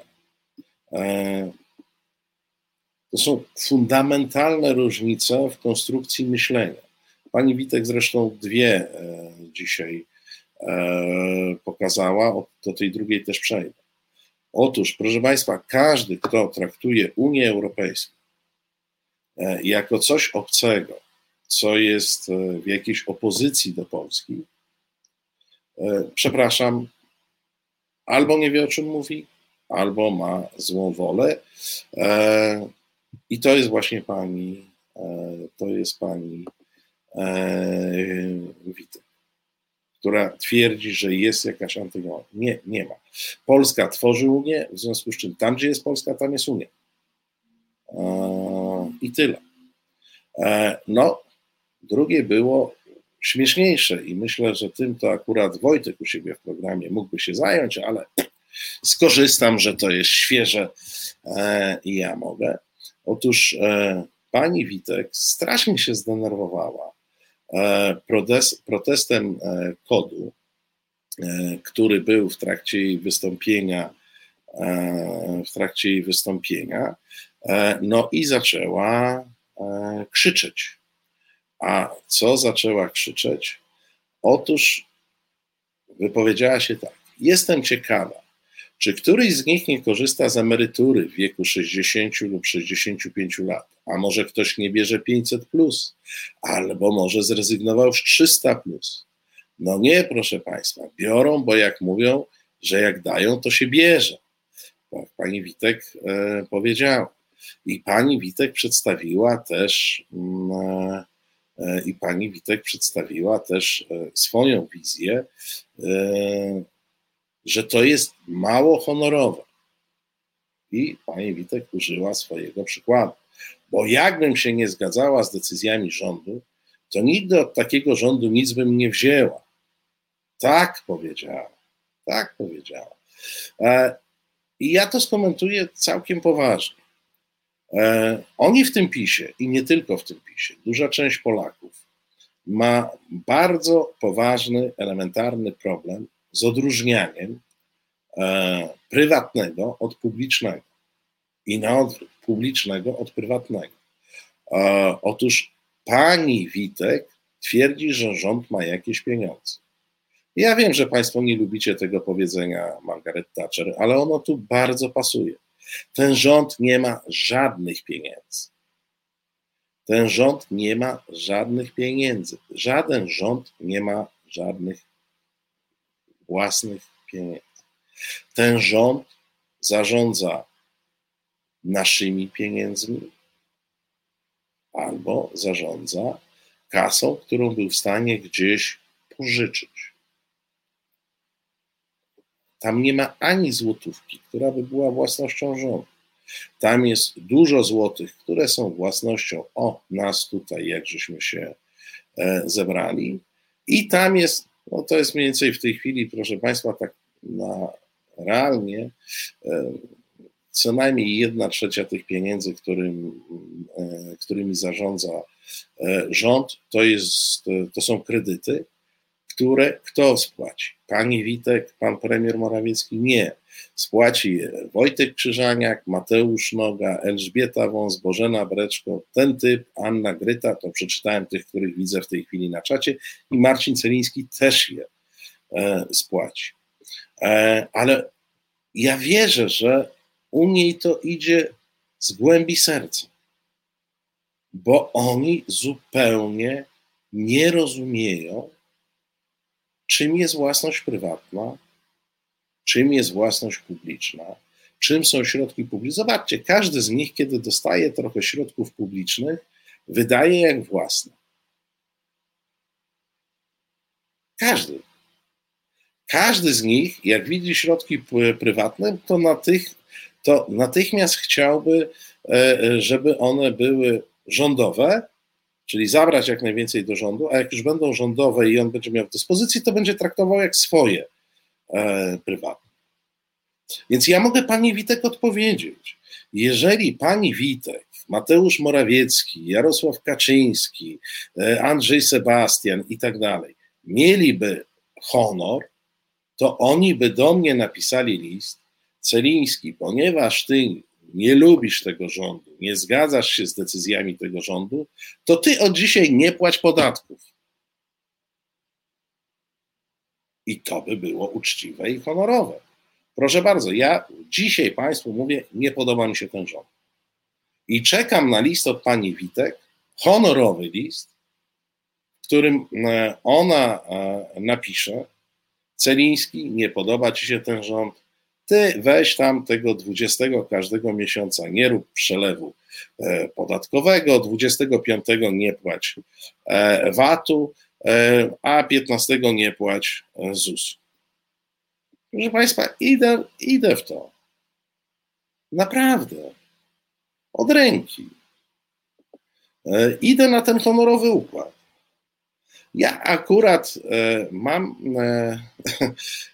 o tyle, że mnie nikt nie posądzi o 13 emeryturę, bo, bo jeszcze nie. Nikt mnie nie e, posądzi o 500, plus, bo już nie. 300 e, plus to nawet nie wiem, to też chyba jakieś z dziećmi związane świadczenie. Więc ja tu bardzo niedobrym jestem rocznikiem, nieszczęśliwym, nieszczęśliwym zupełnie, bo tak różne, e, jak przyszły przywileje na dzieci, to, to, to dzieci już dorosłe, a zanim dojdę do emerytury, to pewnie tych przywilejów emerytalnych e, nie będzie. E, no nie, ale jak honor, to honor. Oni powinni ogłosić dobry. Ja bym z nimi poszedł na ten układ. Wiecie, to byłby bardzo korzystny dla Polski układ Ci, co głosują na PiS, płacą podatki i biorą świadczenia. Ci, co nie głosują na PiS, nie biorą świadczeń mm, i e, nie płacą e, podatków. E, a ja, proszę Państwa, wiem, bo na to są badania, że gdyby oni poszli na taki honorowy układ, to nie 30% środków zarządzanych przez nich byłoby kredytem, tylko 80% środków E, za, e, zarządzanych przez nich byłoby e, kredytem, bo tak się jakoś składa, że ci, co nie głosują na PiS, płacą wyższe podatki. I oczywiście zgadzam się, już nie pamiętam, kto z Państwa napisał, bo te komentarze mi przeleciały. Jak pani Witek twierdzi, że tu jest Polska, a nie Unia, to kiego licha zasadza się na środki unijne z funduszu odbudowy. Nie podoba im się Unia? Nie, nie biorę. E, ale jeszcze raz powtórzę, pod tym wszystkim jest, proszę Państwa, bardzo, ale to bardzo e, poważny, e, bardzo poważny problem związany z tym, że ci ludzie, nie będę używał tu porównań, bo żadne cenzuralne mi nie przychodzi do głowy, Ci ludzie nie odróżniają publicznego od prywatnego i prywatnego od publicznego. Każdy z nich, kiedy zostaje szefem spółki publicznej, uważa, to, że to jest jego prywatna spółka, w której może e, zatrudnić e, wszystkie, e, wszystkich możliwych tempawych i niedouczonych krewnych i znajomych.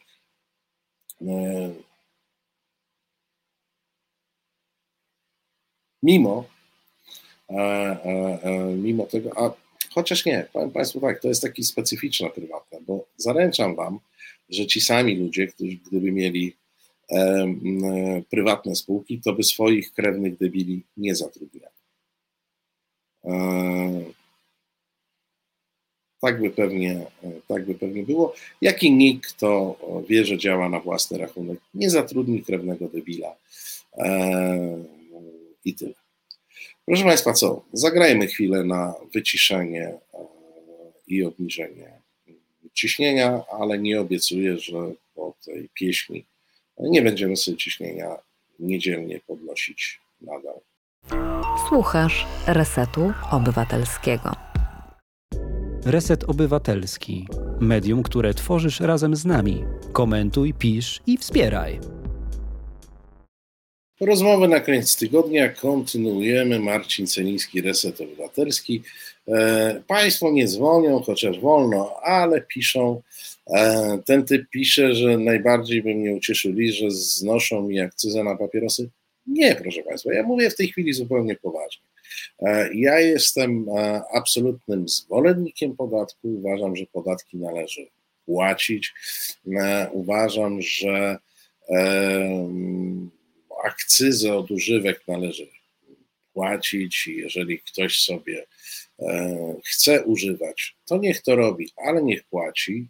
E, I nie dlatego, że to używki, tylko dlatego, że jak wiadomo, one mogą wpływać jakoś na zdrowie, w związku z czym powinien trochę więcej się dokładać e, do naszego wspólnego budżetu. Co robię, wypalając każdego papierosa, nie kupuję papierosów bez akcyzy, choć jak wiadomo, choć jak wiadomo, w Polsce można by to, można by to robić albo kupować z jakąś inną akcyzą e, e, zupełnie, całkiem zagraniczną i e, wschodnią. To samo, to samo dotyczy, proszę Państwa, innych podatków. Myślę, że różnica, jaka może być w poglądach podatkowych, to jest różnica oceny stanu, w jakim e, znajdujemy się jako wspólnota. A jako wspólnota, wbrew temu, co sobie opowiadamy, nie jesteśmy e, ani w G7, ani w żadnej innej grupie najbogatszych krajów świata, co oznacza, że jesteśmy krajem na dorobku, nawet jeżeli w skalach światowych łapiemy się jako kraj rozwinięty ale zawsze jest kwestia punktu odniesienia, jeżeli odnosimy do punktów, w którym, do krajów, w których PKB jest 300 czy 400 dolarów na głowę, to oczywiście jesteśmy e, krajem niebywale bogatym. Ale jeżeli odniesiemy się do krajów, które są dla nas jakimś celem cywilizacyjnym, no ja myślę, że nadal celem cywilizacyjnym e, jest to, żebyśmy mieli e, raczej relacje społeczne i płacowe, takie jak w Niemczech, we Francji, e, niż z całym szacunkiem jak Burkina Faso, e, no to porównujmy się do tych krajów, e, w których chcielibyśmy żyć, a nie do tych krajów, które znamy tylko ze statystyk międzynarodowych. Więc tutaj nam jeszcze sporo brakuje. Natomiast mechanizm podatkowy nie jest prostym mechanizmem redystrybucji pod tytułem zabierzemy i rozdamy. Tak to PiS robi. E, mechanizm podatkowy jest e, mechanizmem, który może stymulować rozwój, może stymulować wzrost, bądź może go e, hamować. I wtedy nie działa prosta reguła, że jak zbierzemy 500, to wydamy 500, bo w którymś momencie może się okazać, że nie zbierzemy 500. E, I to są prawdy dosyć oczywiste, z jakichś przyczyn w Polsce w tej chwili e, wyparte ze świadomości. W Polsce też, proszę Państwa, poza moim zdaniem prostacką, bo to jest, e, wiecie, rozmowa o tym, czy stawka PIT ma być 20, 30 czy 75, a rozmową to, to, to jest potraktowanie sprawy bardzo płaskiej i prostackiej. E, rozmawiać należy o systemie podatkowym jako takim, żeby on z jednej strony zapewniał e, wpływy do budżetu pozwalające na finansowanie usług publicznych e, na przyzwoitym poziomie, a z drugiej strony nie wprowadzał niesprawiedliwości i nie hamował wzrostu. I to jest w naszym wspólnym interesie. Dlatego ja jestem ciągłym zwolennikiem rozmowy o tym, e, żeby ciężar mm,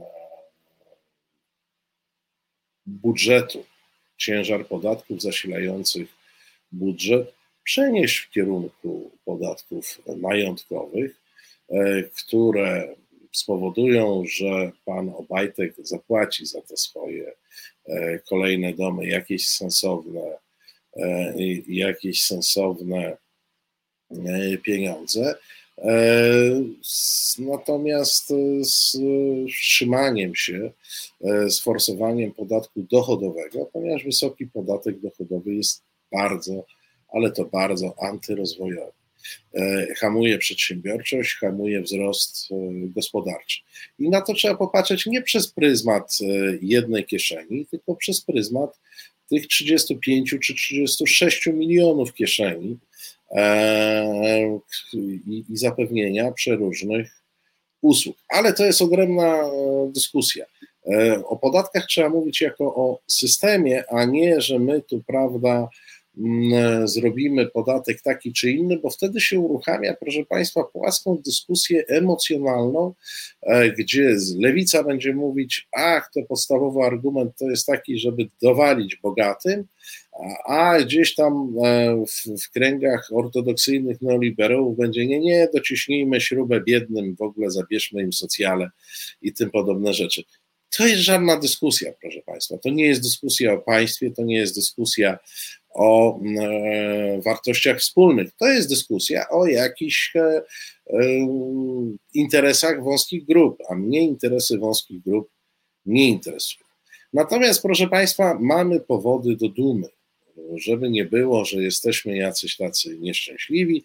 Otóż udało nam się zainteresować sytuacją w Polsce sytuacją w, w Polsce. E, Washington Post.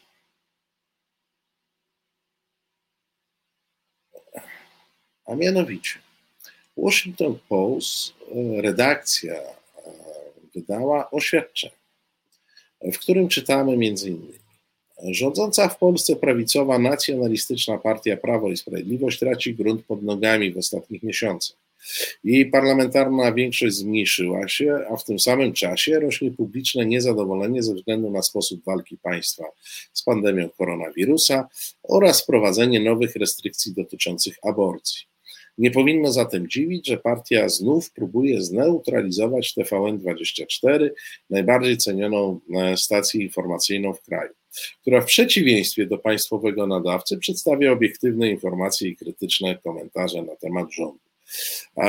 Tak e, pisze redakcja Washington Post. E, ja wiem, że ja wiem, że Zawsze Polacy są dumni, kiedy się o nich pisze w zagranicznych mediach, więc podrzucam Państwu na dziś wieczór powód e, do dumy. No, piszą o nas, piszą o nas w Ameryce, e, zauważyli nas. E, no i oczywiście jest dla mnie rzeczą oczywistą, o przepraszam, masło maślane. Mm, jeśli chodzi o Lex TVN, czyli te zmiany, które mają utrudnić, moim zdaniem przede wszystkim utrudnić, może uniemożliwić przedłużenie koncesji TVN24, e, to znowu tu musimy się odkleić od emocji. Ja wiem, wielu z nas nie lubi tego TVN24, nie lubi tego stylu prowadzenia stacji, e, ale tu, proszę Państwa, nie chodzi o TVN24, tylko chodzi o wolność. E, chodzi o wolność mediów, chodzi o wolność w ogóle, E, chodzi o wolność e, prowadzenia medium, nawet wtedy, kiedy to medium e, nie sprzyja rządowi. Pan Paweł pisze obiektywnie. Dobra, ja też się uśmiecham przy tym, ale to, to nie w tym rzecz, proszę Państwa. To nie w tym rzecz. Chodzi o wolność. TVN jest stacją prywatną i akurat w odróżnieniu, znowu wchodzimy w odróżnienie prywatnego od publicznego. E, TVN jest stacją prywatną i tam różne e, mogą być linie redakcyjne. Oczywiście zobowiązuje ich etyka dziennikarska, sposób e, konstruowania informacji, sposób konstruowania, ale to mówimy o pewnym warsztacie. Natomiast pierwsza zasadnicza sprawa wara każdemu rządowi, każdej rządzącej większości od prywatnej stacji. E, wara każdej rządzącej większości od tego, co prywatna stacja w swoich treściach zawiera. Tu, proszę Państwa, musi zadziałać mechanizm taki, E, że lubimy się, nie lubimy, ale musimy stawać w swojej e, e, obronie. Tak, musimy. Duzi, mali, średni, wszyscy. Bo tu chodzi o zasady. Tu nie chodzi o jedną stację informacyjną. Tu nie chodzi o koncern Discovery. Tu chodzi o zasady i zasady są przez ten rząd łamane. Zresztą Washington Post przywołuje przykład węgierski, że jest to strategia, którą Polska, podobnie jak Węgry, stosują, by uciszyć krytyczne media. E, no i przypominają zakup e, Polska Press przez e, Orle. Proszę Państwa, przy wszystkich mediach, które krytykujemy, pan Tom tutaj pisze. Wczoraj press, dzisiaj TVN, jutro wyborcza. W gazecie wyborczej też jakieś dziwne rzeczy się dzieją, może mniej nagłaśniane. Jest potężny konflikt pomiędzy spółką Agora a gazetą wyborczą i portalem wyborcza.pl, z którego, który nie wiem jak się skończy, ale z całą pewnością skończy się jakimś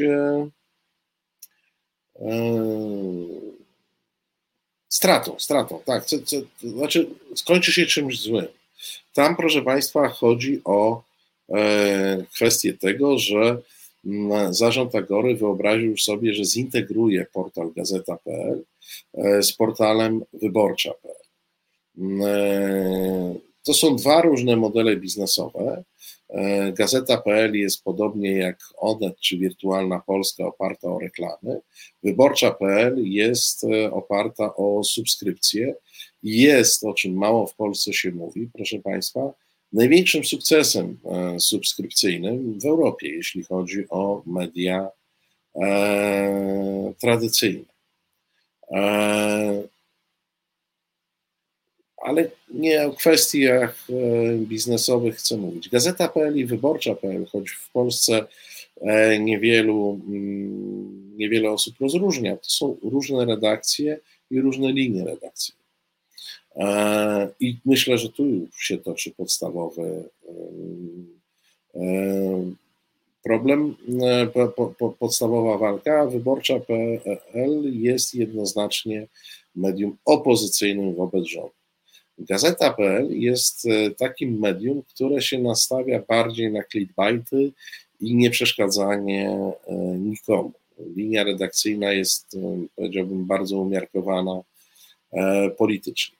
W związku z czym to przejście, to, ta integracja jednocześnie przy zaplanowanych ruchach personalnych spowodowałoby, że tak naprawdę nie byłoby gazety wyborczej E, w internecie. Zostałby portal gazeta.pl, e, który, jeszcze raz powiem, w kategoriach politycznych jest zupełnie inaczej e, usytuowany. Więc ten rynek kurczy się. Ten rynek mediów opozycyjnych, lubimy, nie lubimy, jeszcze raz powiem, on się po prostu kurczy. Czy to spowoduje mm, łatwiejsze, no zadam takie retoryczne pytanie, czy to spowoduje łatwiejsze docieranie z informacją do Polaków? No wiecie, że. Dlatego trzeba bronić. E, dlatego trzeba bronić każdego medium, które ta władza e, będzie chciała w taki czy inny sposób e, zlikwidować. Trzeba bronić. No i jeszcze jedna informacja z ostatniego, z ostatnich dni, e, informacja dotycząca e, Zalewu Wiślanego, e, który jak wiadomo dzięki przekopowi stanie się wielką arterią komunikacyjną pobudzającą gospodarkę polską i jest czymś na kształt budowy Gdyni, co najmniej, przynajmniej jak się posłucha Covideusza.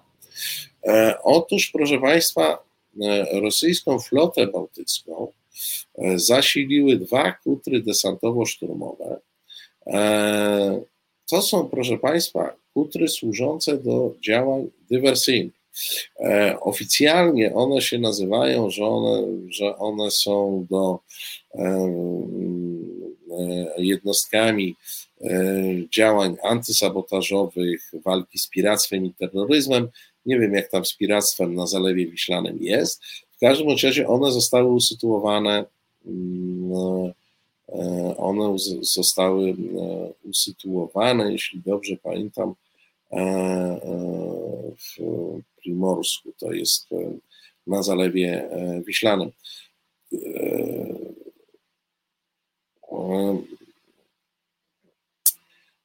To jest, proszę Państwa, trochę się pokrywa z informacjami, które nie są powszechne, o tym, że e, przez granicę Polski z obwodem kaliningradzkim coraz e, częściej, e, coraz częściej przechodzą patrole rosyjskiego zwiadu celem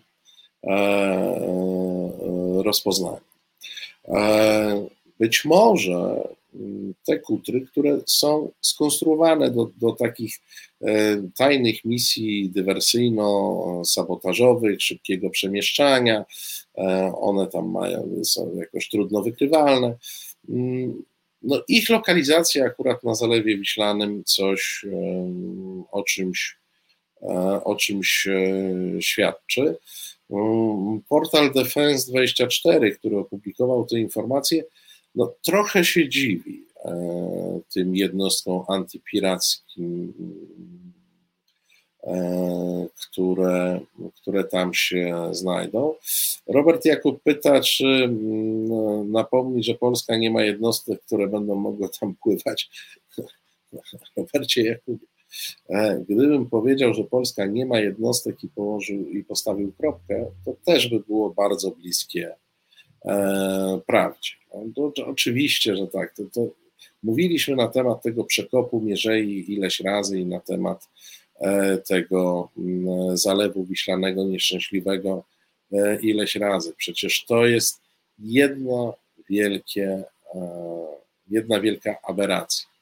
Podobnie jak aberracją jest, proszę Państwa, e, ubieranie e, w piórka, e, ubieranie w piórka patriotyzmu, pomysłu odbudowy Pałacu Saskiego, która tak naprawdę nie będzie odbudową Pałacu Saskiego, tylko odbudową jego formy nadanej przez Rosjan w XIX wieku był to pałac czystej szkoły petersburskiej, jak mówią historycy sztuki. No to są takie momenty, w których ja nie wiem, czy ci ludzie, e, e, czy ci ludzie w tych swoich wizjach po prostu są takimi dyletantami i nie wiedzą, o czym mówią, e, czy robią to specjalnie. Czasami, proszę Państwa, nie chce mi się wierzyć, że oni są aż tak głupi. Na przykład nie wiedzą, e, czym był pałac e, Saski, tak? I że e, chcą odbudować jego formę klasycyzmu petersburskiego, a nie pierwotną, barokową, związaną z Sasami. I nie wiem, czy, czy oni też udają, że nie wiedzą, czy nie wiedzą, że ten E, pałac o mały włos, tylko ze względu na brak środków nie podzielił losu cerkwi i nie został rozebrany razem e, z cerkwią, e, która, która była obok w, w, po, w, po 1919 roku. Nie wiem, proszę Państwa, nie wiem, nie wiem, czy oni robią to z głupoty, czy oni to robią specjalnie. Wiem, że to są źli, niemoralni E, ludzie, którzy chcą nas wyprowadzić z Unii Europejskiej, chcą nas e, wyprowadzić e, z cywilizacji praw obywatelskich i demokracji i wprowadzić w cywilizację, której ja osobiście alergicznie nie znoszę i każdą komórką swoją protestuję przeciwko temu, żeby wprowadzać mnie w rejony średnioazjatyckie e, i wprowadzać mnie w system e, putinowski. To są źli, niemoralni ludzie, którzy nami rządzą, którzy nas okradają codziennie, którzy jeszcze potrafią wrzeszczeć, że jak się komuś ten rząd nie podoba, to ma nie korzystać ze środków publicznych, bo rząd daje jakieś e, pierwszym jakieś swoje, swoje pieniądze. Nie mają swoich pieniędzy, zresztą to są ludzie, którzy pewnie w życiu uczciwie nie zarobili żadnych e, pieniędzy. Bożena pyta, czy już wiadomo, którą wersję mają odbudować. Tak, pojawiła się wizualizacja. Oczywiście wersja autorstwa Paskiewicza, e, bo taka była przed wojną, tak? Bo przed wojną nikt tego w żaden sposób nie przebudowywał.